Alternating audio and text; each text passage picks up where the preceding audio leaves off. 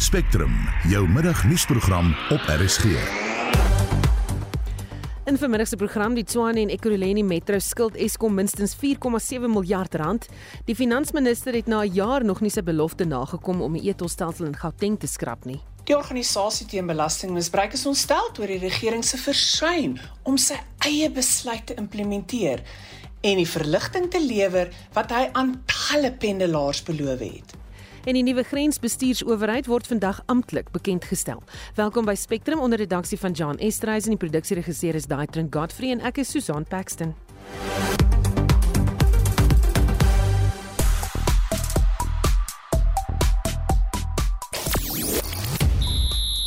Engeland golf eerste in die openingswedstryd van die 2023 Cricket Eendag Wêreldbeker toernooi in Indië en Nieu-Seeland kan hulle plek in die Rugby Wêreldbeker toernooi se kwartfinale vanaand verseker. Ek is Shaun Jooste vir RSG Sport. Nou die departement van basiese onderwys het 'n ondersoek na vreemde gedrag onder leerdlinge gelas. Minister Angie Motshega sê die departement sal saam met kundiges, ouers en ander rolspelers werk om die redes vir vreemde gedrag vas te stel. Die ondersoek volg na 'n toename in voorvalle by skole waar kinders halusineer, skree of in mekaar sak. Nou ons wil by jou weet is daar sulke gevalle waarvan jy weet waar skoolkinders vreemd uh, optree of gedrag het? sien jy dit by die skool of by die huis en watter stories kan jy met ons deel? Praat saam stuur vir ons 'n SMS na 45889 teen R1.50 per boodskap boodskap. Jy kan ook 'n WhatsApp stemnota stuur na 076 536 6961.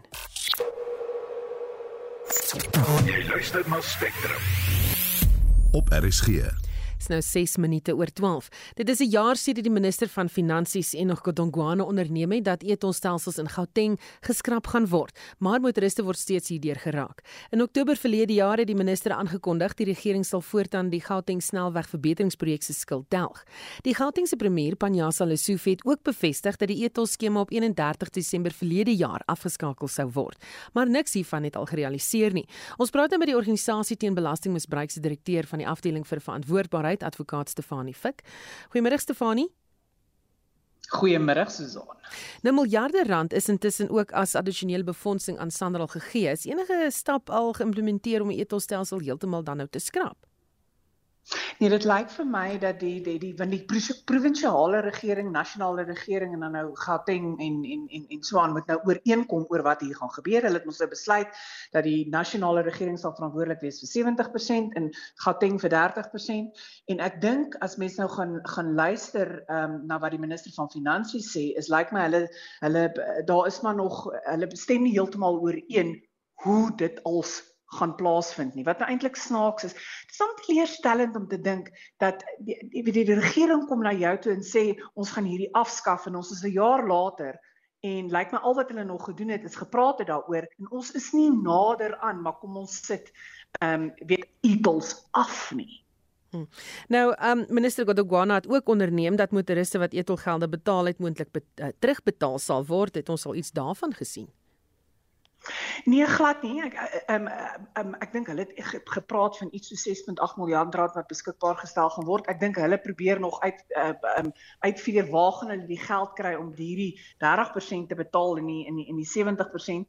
Ehm um, as mens nou gaan prakties daaraan dink, ek met liefde hoop ek mense kry hulle geld terug, maar of dit prakties moontlik is, as mens net gaan dink hoe Sandra sukkel om sy eie administratiewe prosesse uh, daar te stel en ons moet ook onthou dat baie van hierdie kostes is is oorgeplaas na na motoriste, so, soos byvoorbeeld jou verhuuringsmaatskappy, hoe hulle al hierdie terugbetalings gaan gaan gaan ehm um, behartig weet ek nie. So ek weet nie of dit prakties moontlik gaan wees nie, maar in dieselfde asem hoor ons nou dat hulle nog steeds praat oor hoe gaan hulle die uitstaande skuld invorder. So dis hulle hulle praat ook uit verskillende monde. So eintlik op hierdie stadium klink dit ehm um, asof hulle regtig nog nie naby aan afsit van van etels is nie. Wat moet nou gedoen word? Die beste raad wat ek vir mense kan gee is gaan regtig heroorweeg of jy vir etels wil betaal.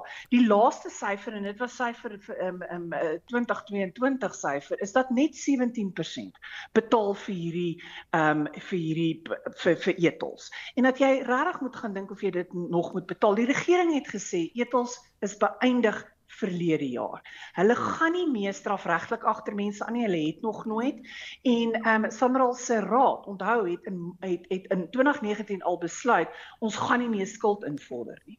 So as jou regering vir jou aan die een kant sê maar ehm um, ethos kom tot 'n einde, plus die regering sê vir jou ons gee 'n klomp geld vir Sanral want dit is hulle doel um, as 'n 'n 'n staatsbeheerde organisasie om ons paai op te gradeer. Ehm um, dan hoekom betaal jy nog? Ek wil net hierdie syfer noem. Hierdie opperpad oppervlakte waarvan ons praat by die van die GFIP is behels maar so 208 km. Dit is 1% van die paaie wat Sanral onderhou. Hulle het gedink hulle gaan 30% van hulle inkomste uit daai 1% uitkry. So gaan dink net bietjie aan die onregverdigheid en die hoeveelheid geld wat hulle al tot op hede vir GFIP in elk geval gekry het wat by 30 miljard rand draai. Baie dankie gepraat met Alta se direkteur van die afdeling vir verantwoordbaarheid, advokaat Stefanie Fik. Jy luister na Spectrum elke weekmiddag tussen 12 en 1. Dit is nou 12 minute oor 12. Ons het gister op Spectrum berig oor die familie van twee Suid-Afrikaners wat in 'n tronk in Ekwatoriaal Genee aangehou word, wat sê hulle gevangenskap is deel van 'n groter politieke speletjie. Pieter Haksem en Frik Potgieter, twee ingenieurs wat in die land gaan werk het, is daar in hegtenis geneem op aanklagte dat hulle handel gedryf het in dwelms. Die twee is in Februarie in hegtenis geneem en in Junie tot 12 jaar tronkstraf gevonnis en na die berigte uh, Mongomo gevangenis gestuur. Ons praat nou met 'n senior opleidingskoördineerder van die INACT program by die Instituut vir Sekuriteitsstudies Willem Els. Goeiemôre Willem. Goeiemôre. Vertel ons 'n bietjie van hierdie tronk waar hulle is. Ja, jong, uh, ons ons het so 'n bietjie ervaring van van Malawi en die Bioko Eiland. Uh nadat ons so 'n paar maande daar gewerk het as deel van Suid-Afrika se hulp aan Ekwatoriaal Guinea voordat hulle die die die Afrika Unie se beraad daar gevoer het. En nou ons ons was reg langs die die tronk in 'n hotel gewees En uh wat ons weet van die tronk is dat hy is op die op die strand, hulle noem ook die Black Beach uh prison of uh want uh, die die eiland is maar 'n vulkaniese eiland. En uh skuis tog die uh die swart klippe, die vulkaniese klippe is maar op die strand. Daar's nou nie wit sand soos ons dit ken nie. Maar een ding van van die omgewing daar, dit is in die diep trope geleë. Uh dit is op die op die kus, so sê die swart strand en dit is ongelooflik die humiditeit, die hitte, die die die uh vleiende insekte en al daai klas van dinge. Jong jy jy beweeg daar van van ligversorgde area tot ligversorgde area. So so dit is dit is natuurlik nie die die gewenste plek om te wees die tronk self is baie berig as 'n as 'n tronk volgens Amnesty Internasionaal en ander uh, organisasies wat gerapporteer het as dat menseregte vergrype en en alles wat daarmee saamgaan natuurlik hoë gety vir in die tronk.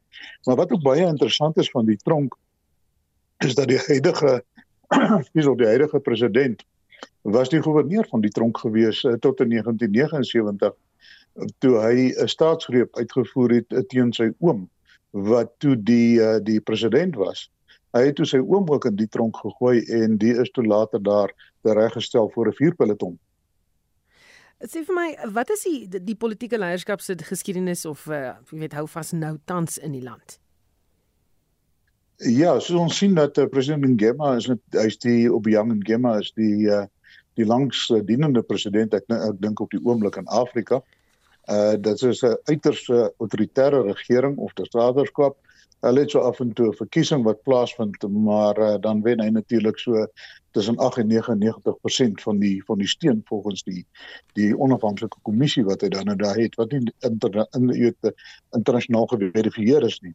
Uh, toe hy gegaan het ook sy seun en hy aangestel as die adjunkt president en ons sien dat uh, die die land self is is een van die rykste lande per capita in Afrika maar die ongelooflike on uh, uh, regverdige verdeling van die rykdom in Afrika waar in, in Afrika waar die uh, die grootste deel gedeelte van die olieopbrengste wat hulle het. Hulle is een van die grootste produseerders van olie in Afrika en uh dat die opbrengste maar na die president se familie en sy en sy vriende toe gaan.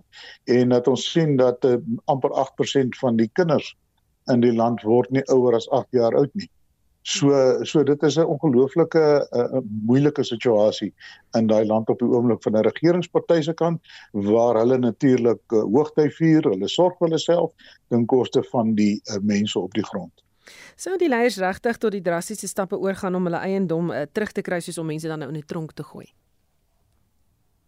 Wel ons kan reeds sien dat hulle het uh, sukses redelik sukses gehad. Ons onthou dat die eiendom uh die die vaste eiendom sowel as die as die jag wat gekonfiskeer was, nie die jag is intussen vrygelaat omdat die adjunkt president uh, betoog het in die hof dat dit 'n militêre uh uh uh uh hoe sê Engelsman sê asset was uh, dat dit uh, die uh, een van hulle militêre goed was en dit dan nou dan nie aangehou kan word of uh, natuurlik uh, uh, gekonfiskeer kan word nie.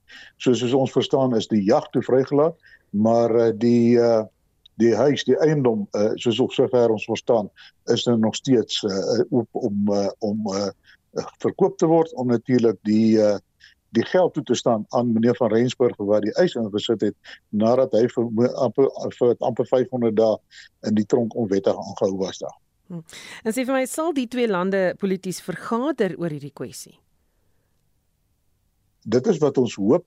Uh ons uh, hoop dat daar natuurlik politieke leierskap sal wees van Suid-Afrika om om om om om dit op te neem want ons verstaan dat dit heel waarskynlik die enigste manier gaan wees dat ons tot 'n werkbare oplossing gaan kom. Uh, want uh, op op 'n regtegniese vlak uh, is die is die vergrype en natuurlik die prosedures volgens verskeie verslae nie heeltemal deursigtig nie en so op 'n regte interregterme gaan ons beslis nie uh, regkom daar nie. So dit sal moet gaan op 'n politieke vlak waar ons hoop dat daar politieke leierskap getoon sal word van Suid-Afrika se kant af om te kyk dat ons mense huis toe kom Baie dankie. Dit was Willem Els, senior opleidingskoördineerder van die INACT program by die Instituut vir Sekuriteitsstudies. Eskom sê hy is bekommerd oor die hoë skuldvlakke van die Tshwane en Ekurhuleni metros in Gauteng. Tesame skuld die metros Eskom 4,7 miljard rand. Dit is veral die Tshwane metro wat nie sy skuld kan delg nie. Die woordvoerder van Eskom in Gauteng, Amanda Quinty sê die Tshwane metro skuld Eskom 3,2 miljard rand. The municipalities uh, usually cite that they have issues with their collection, which means that their customers are not paying them at a rate whereby they actually have enough revenue to pay us. So they say their collection rates are very low, and they also say that they struggle financially, hence either their late payment or short payments that they're making. Die sê hulle het reeds die metros tegemoet gekom wat betref betalingsooreenkomste. I think initially what we would do is to engage with the municipality just to understand how best we can assist them in ensuring that they meet the electricity supply agreements. What we had adjusted as well, initially we, they were supposed to pay within 15 days after we've issued our invoices. We have since adjusted that to 30 days, but even with the 30 days, they still are showing foot. So obviously then they incur interest if they're not meeting those requirements. And we do at a certain point, I mean, if we've had some engagements and we've tried to put controls in place and there's payment arrangements that we've put for them just to assist them in ensuring that at least the arrears are paid up because what is key is that at least they need to service their current account and then they can have a payment arrangement to settle the areas. So those are one of the controls that we try to put in place. But also we do then obviously have to engage with um, National Treasury and with COCTA to try and see if they can mediate and assist in, in ensuring that the municipalities pay their accounts. Sy sê hulle oorweeg nog nie om die kragtoevoer na die metros af te sny nie. Well, I mean, that's really just the last resort. And also, it's not something that we can just initiate. We have to exhaust all other avenues before we can even think of doing something of that nature. Because remember, there's businesses within the municipalities, there's, I mean, customers. It's not something that as ESCOM we would want to do. It will really just be the last, last resort. And obviously, there are legal processes that we need to follow and our credit management processes that we need to follow. So the disconnection of a municipality, it would really be the last resort that we would revert to. En dit was Amanda Twinty, die woordvoerder van Eskom in Gauteng. Ons praat nou verder met 'n politieke ontleder van die Universiteit eh, Pretoria, Roland Henwood. Goeiemôre Roland. Goeiemôre Susan. Hoekom sukkel die metro so om geld in te vorder? Ek dink daar's verskeie redes. Die een is invordering en invordering het verskillende dimensies. Ehm um, dit dit dit het te doen met hoe effektief jou rekeningsstelsel bestuur word hoe effektief jou rekeninge gelewer word, is jou rekeninge korrek en dan die betalingsproses. Ehm um, en ons weet dat 'n al hoe kleiner wordende deel mense in Suid-Afrika en ook in Swane betaal gereeld rekeninge en daar's verskillende redes. Die een is dat mense dood eenvoudig dit nie betaal nie want hulle dink hulle kan wegkom daarmee, maar dan is daar ook die ekonomiese realiteite dat die koste struktuur het so hoog geraak dat dit nie vir mense meer bekostigbaar word nie. Ehm um, maar daar's ook ander dimensies en dit is byvoorbeeld dat die metro verkoop nie meer die krag wat hy koop nie want as gevolg van hoë vlakke van beerdkrag en die vinnige omskakeling van mense om selfvoorsienend te word. Beteken dat daai vraag na elektrisiteit is nie meer daar nie en al hierdie faktore speel 'n groot rol.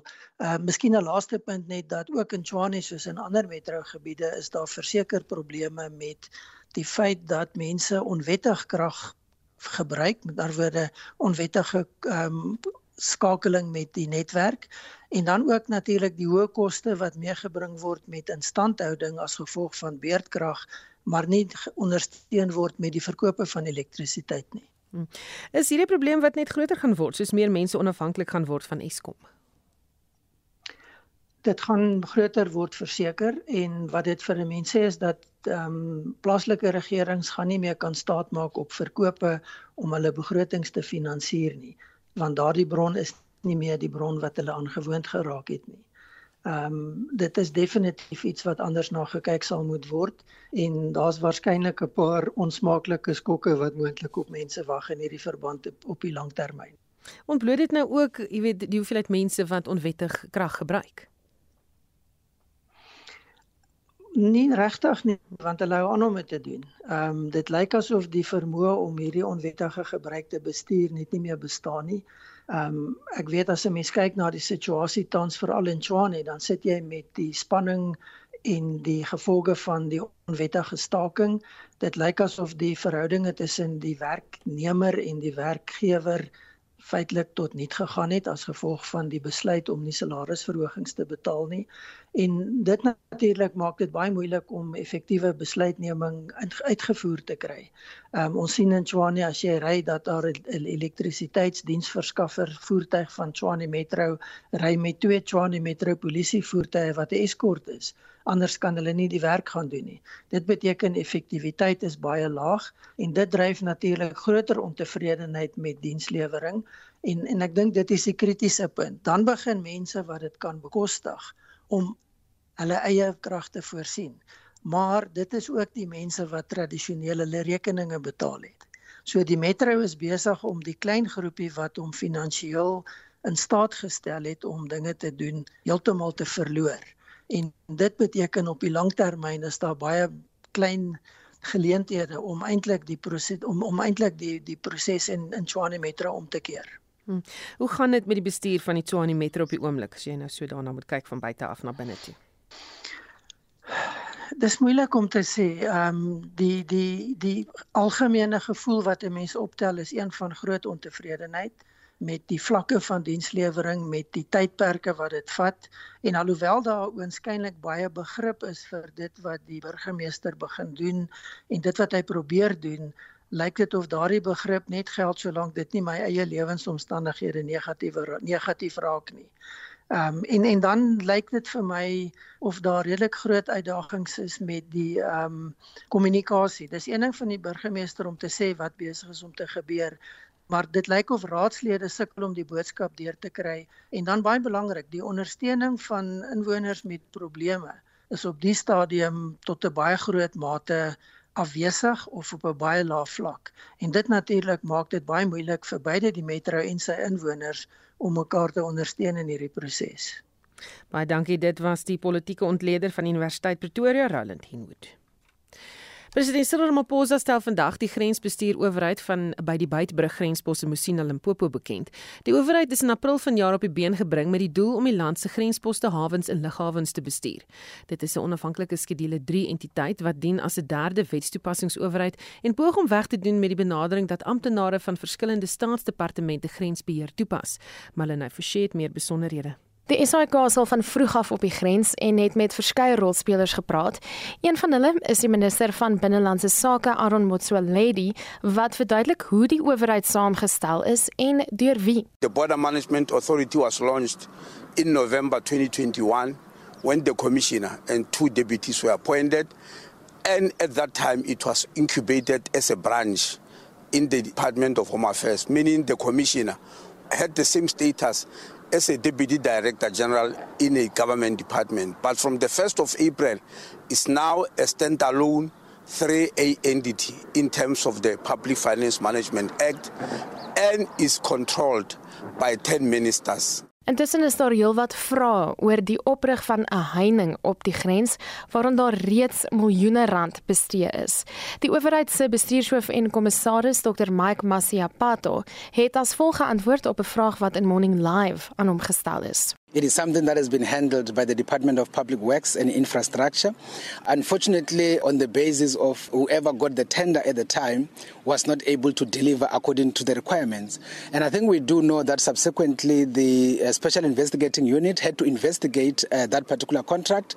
And as we speak, they are busy trying to get the money back uh, from the person who was supposed to do the work and did not do it accordingly. Die owerheid wag intussen op die nasionale tesourie om 'n vennootskap met die private sektor aan te gaan om ses van die land se grootste grensposte op te knap. No, you see, the vision is something that is being used by a number of countries uh, throughout the world, especially when it comes to issues of uh, infrastructure development. It is very much clear that, um, I mean, the fiscus is not that stable to be able to handle all of these issues by itself. And that is why, in the current, even in the broader uh, community of nations out there, there is an enhanced movement towards uh, the uh, public private partnerships. Hier is hoe dit gaan. They are going to help us to redesign, redevelop, and then build infrastructure. And ultimately, they will do the maintenance of the infrastructure. As the Border Management Authority, then we take actually we come in and we use the infrastructure. Because remember they will come and put technology like your number plate detectors. They're going to come and put the gamma rays for the purposes of scanning the trucks and all of those kind of issues. And then we come in we operate the infrastructure. And we are then going to be kind of paying back for their development over time. Uh, that is either in the context of the concession in the context of some tolling where they will get their money back or through other means and all of those issues are being dealt with with the national treasury to ultimately come with the final decision in terms of how the repayment is going to be done Dit was die grensbestuur owerheid se bestuurshoof en kommissaris Dr Mike Masiapato. President Cyril Ramaphosa gaan die owerheid amptelik bekendstel by die Beitbrug grenspos in Musina. Intussen is opposisiepartye nie oortuig dat hierdie stap noodwendige verskil gaan maak nie. Maar nou uit by die DA se adjunkskade minister van binnelandse sake, Adrian Roos, gaan hoor wat hy dink.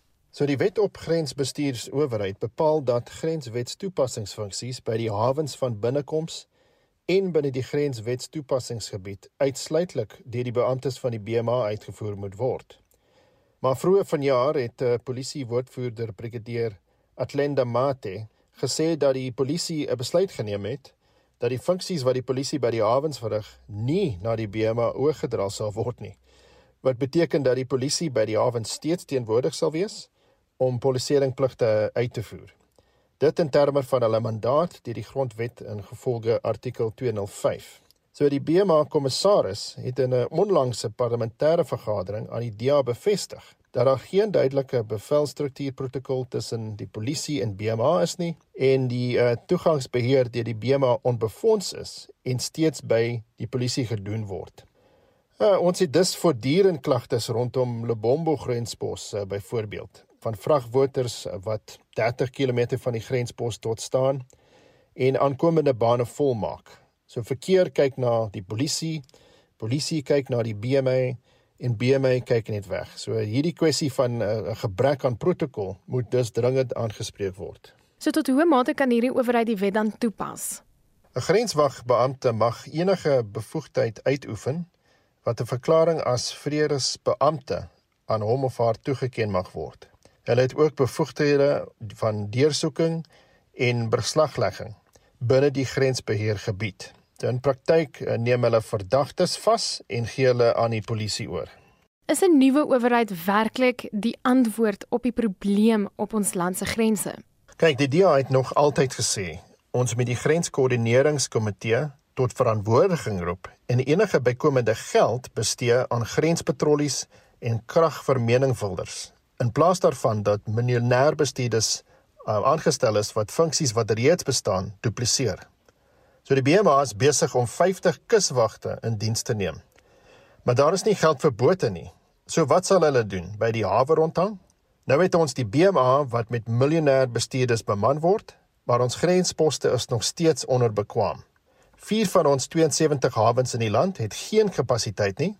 Port Health funksies word in slegs 37 van die hawens aangetref, landbou in slegs 16, terwyl omgewingsverwante uh, funksies slegs vanuit Pretoria uitgevoer word.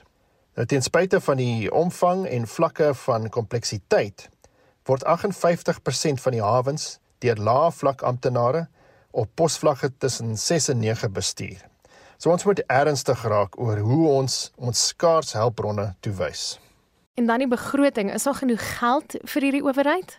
Die kort antwoord is nee. So volgens die grensbestuursowerheid se plan sal die geraamde uitgawes jaarlik 8.25 miljard beloop vir die owerheid om teen volle operasie te wees.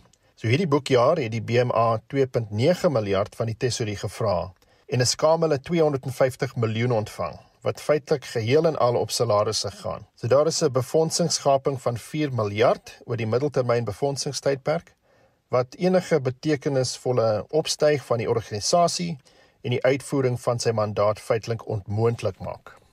En dit was Adrian Roos, die Diase Adjunkskare minister van binnelandse sake en hy het met Marlenae Forsie gepraat. Jy luister na Spectrum op RSG. In die tweede helfte van die program daar's 'n daling in die prys van Brent olie en die tekort aan onderwysers is in die kollig op wêreldonderwysersdag. Bly by ons.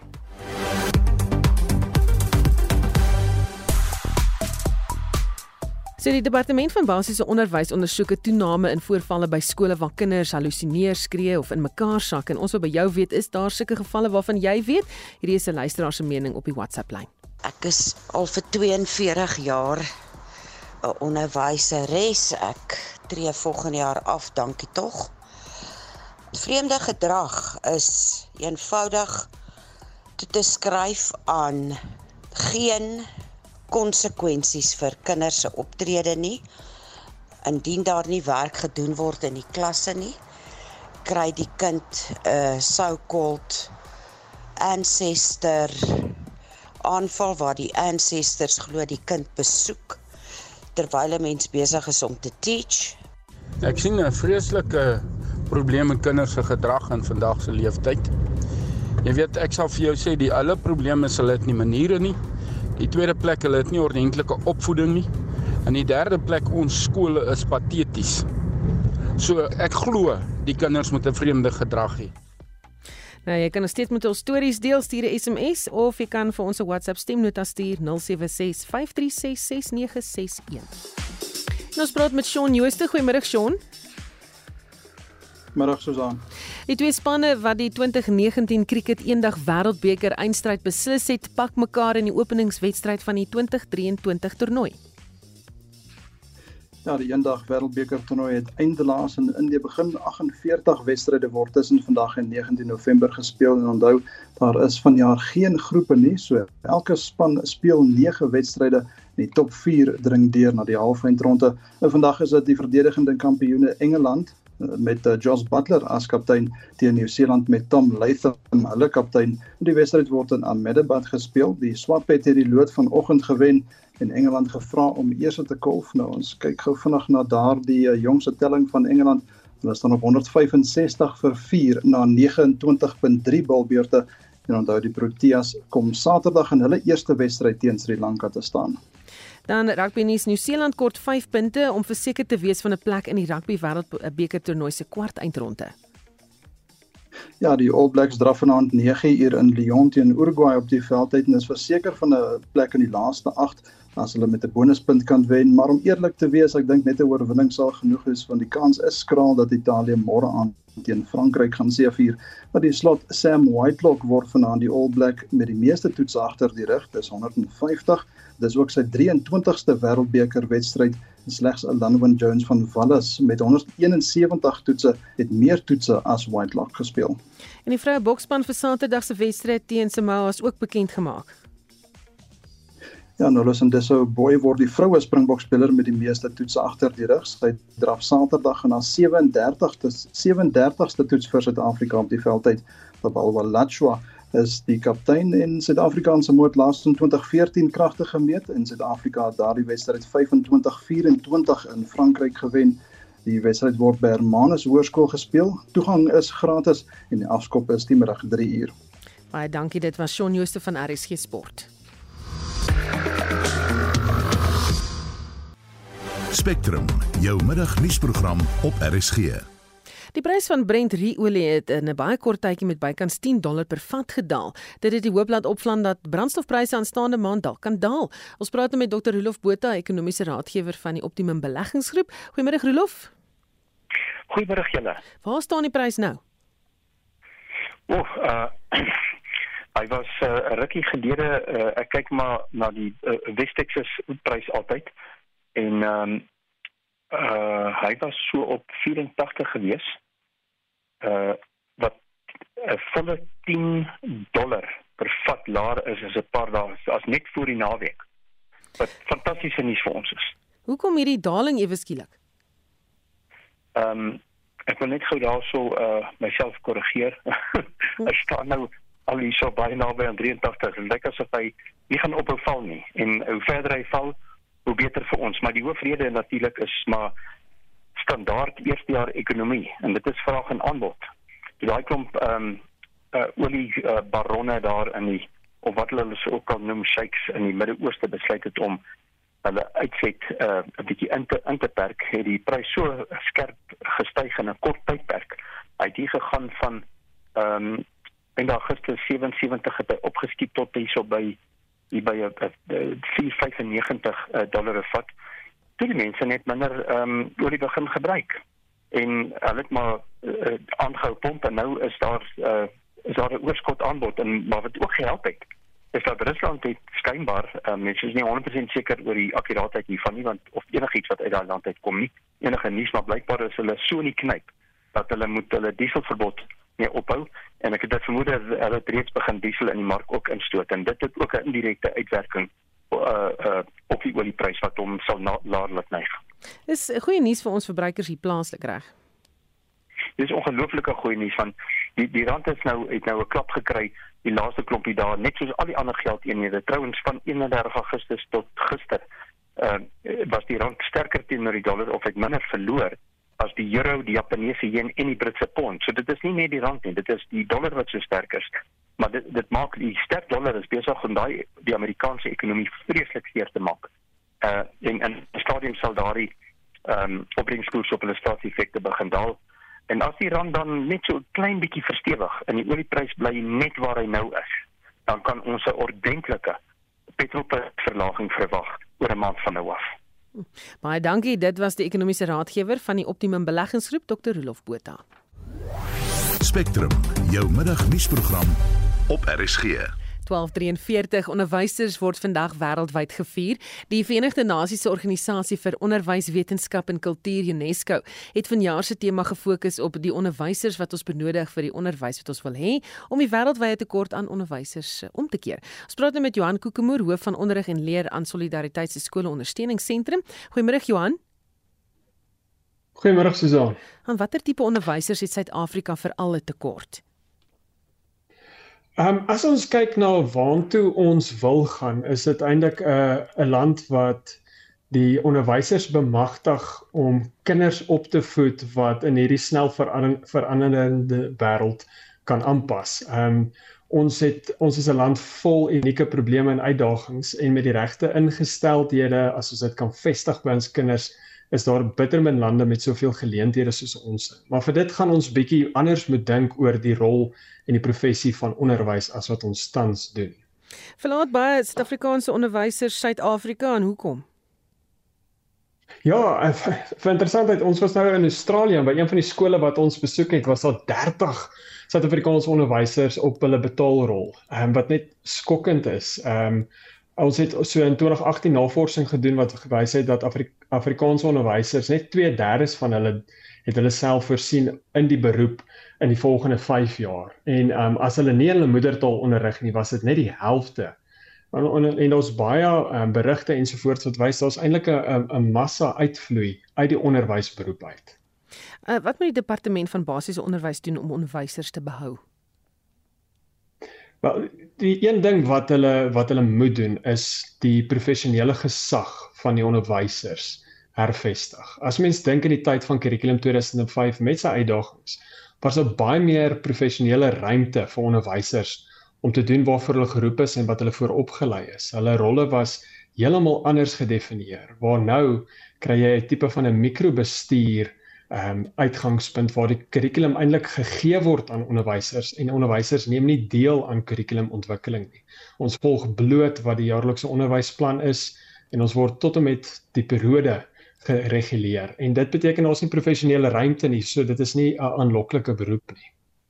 En sê van watter spesiale eienskappe moet onderwysers in Suid-Afrika voldoen om vandag se tyd leerders suksesvol te kan onderrig? Wel, ek dink jy moet 'n rolmodel wees van verandering bestuur. As jy verandering kan bestuur, dan dit is dis stap 1 want ons leef in 'n omgewing wat konstant verander.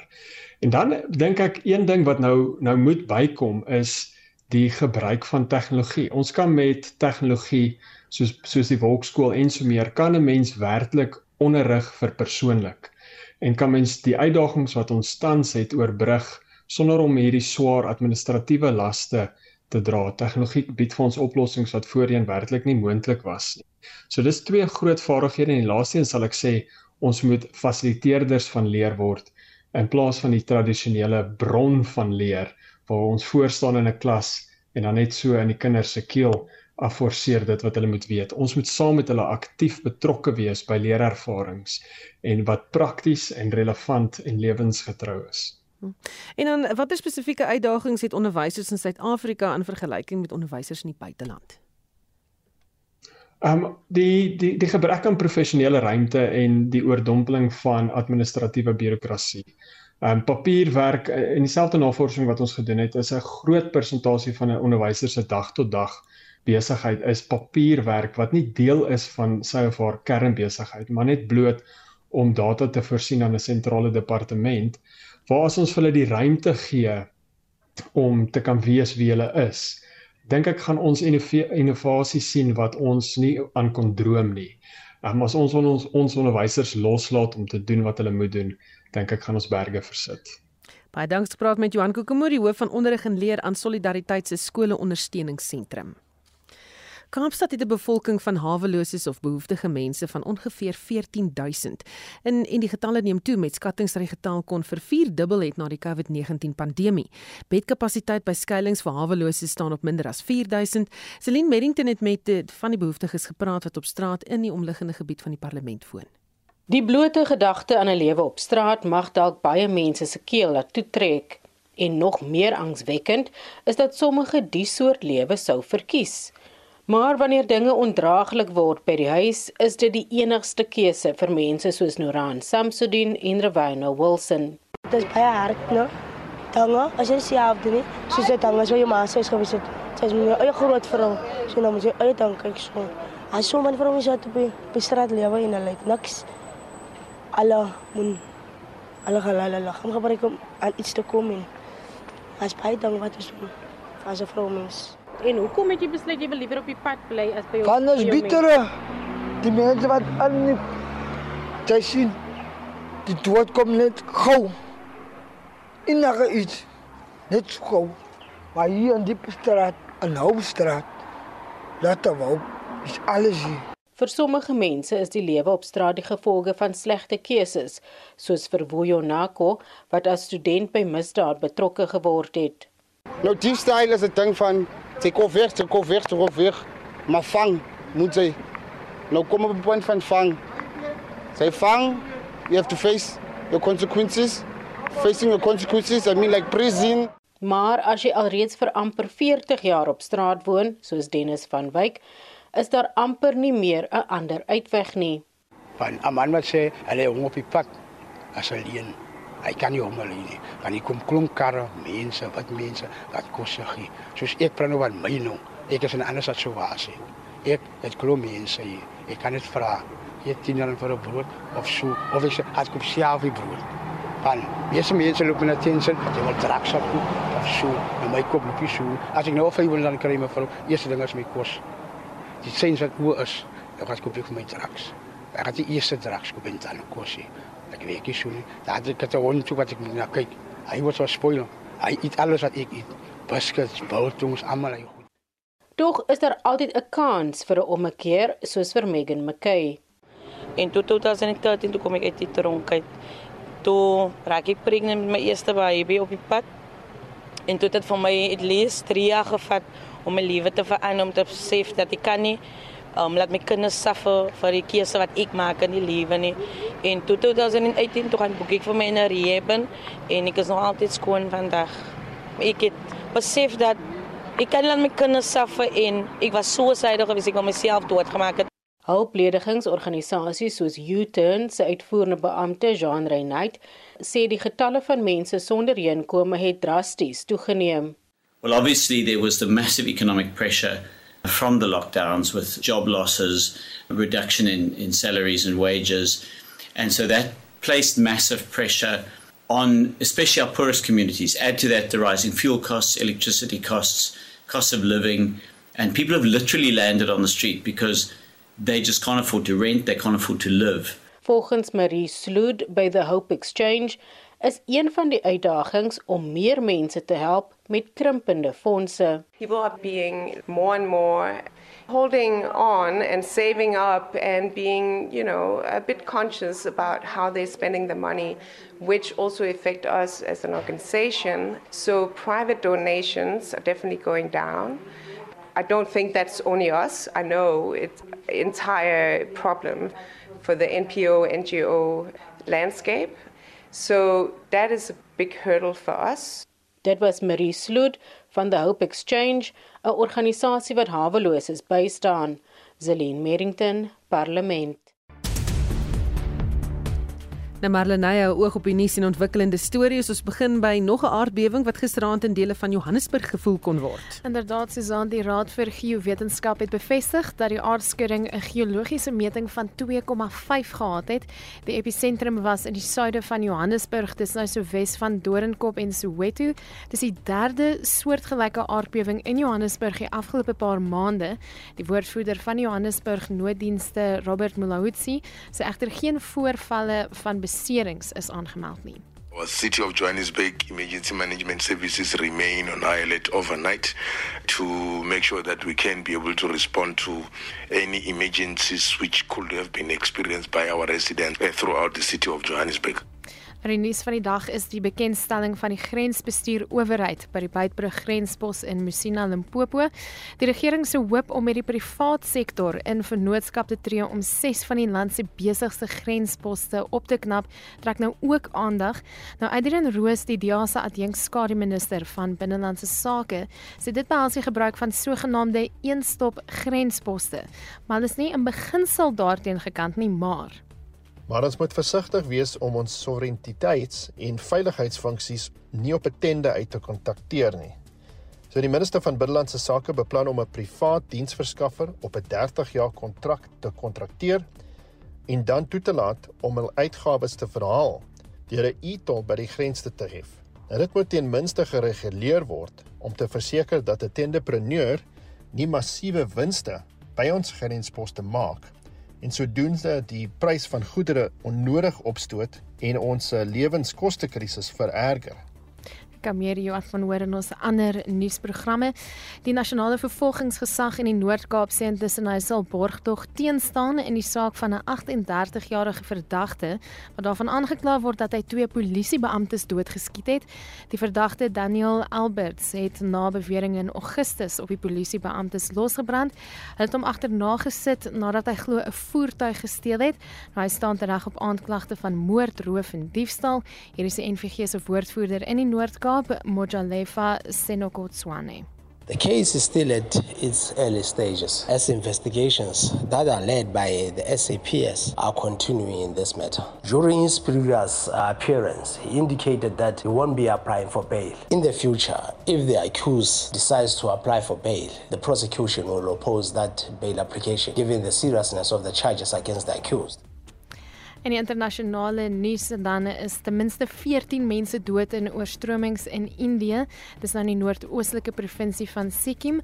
Honderde mense word in die stadium vermis en so berig die BBC se Lipika Palav. Wednesday's flooding was caused by what's known as cloudbursts, sudden and very heavy rains. The flooding washed away several bridges over the Tista River, leaving over 3,000 tourists stranded in different parts of the region. The disaster has also put a fresh spotlight on Lonak Lake.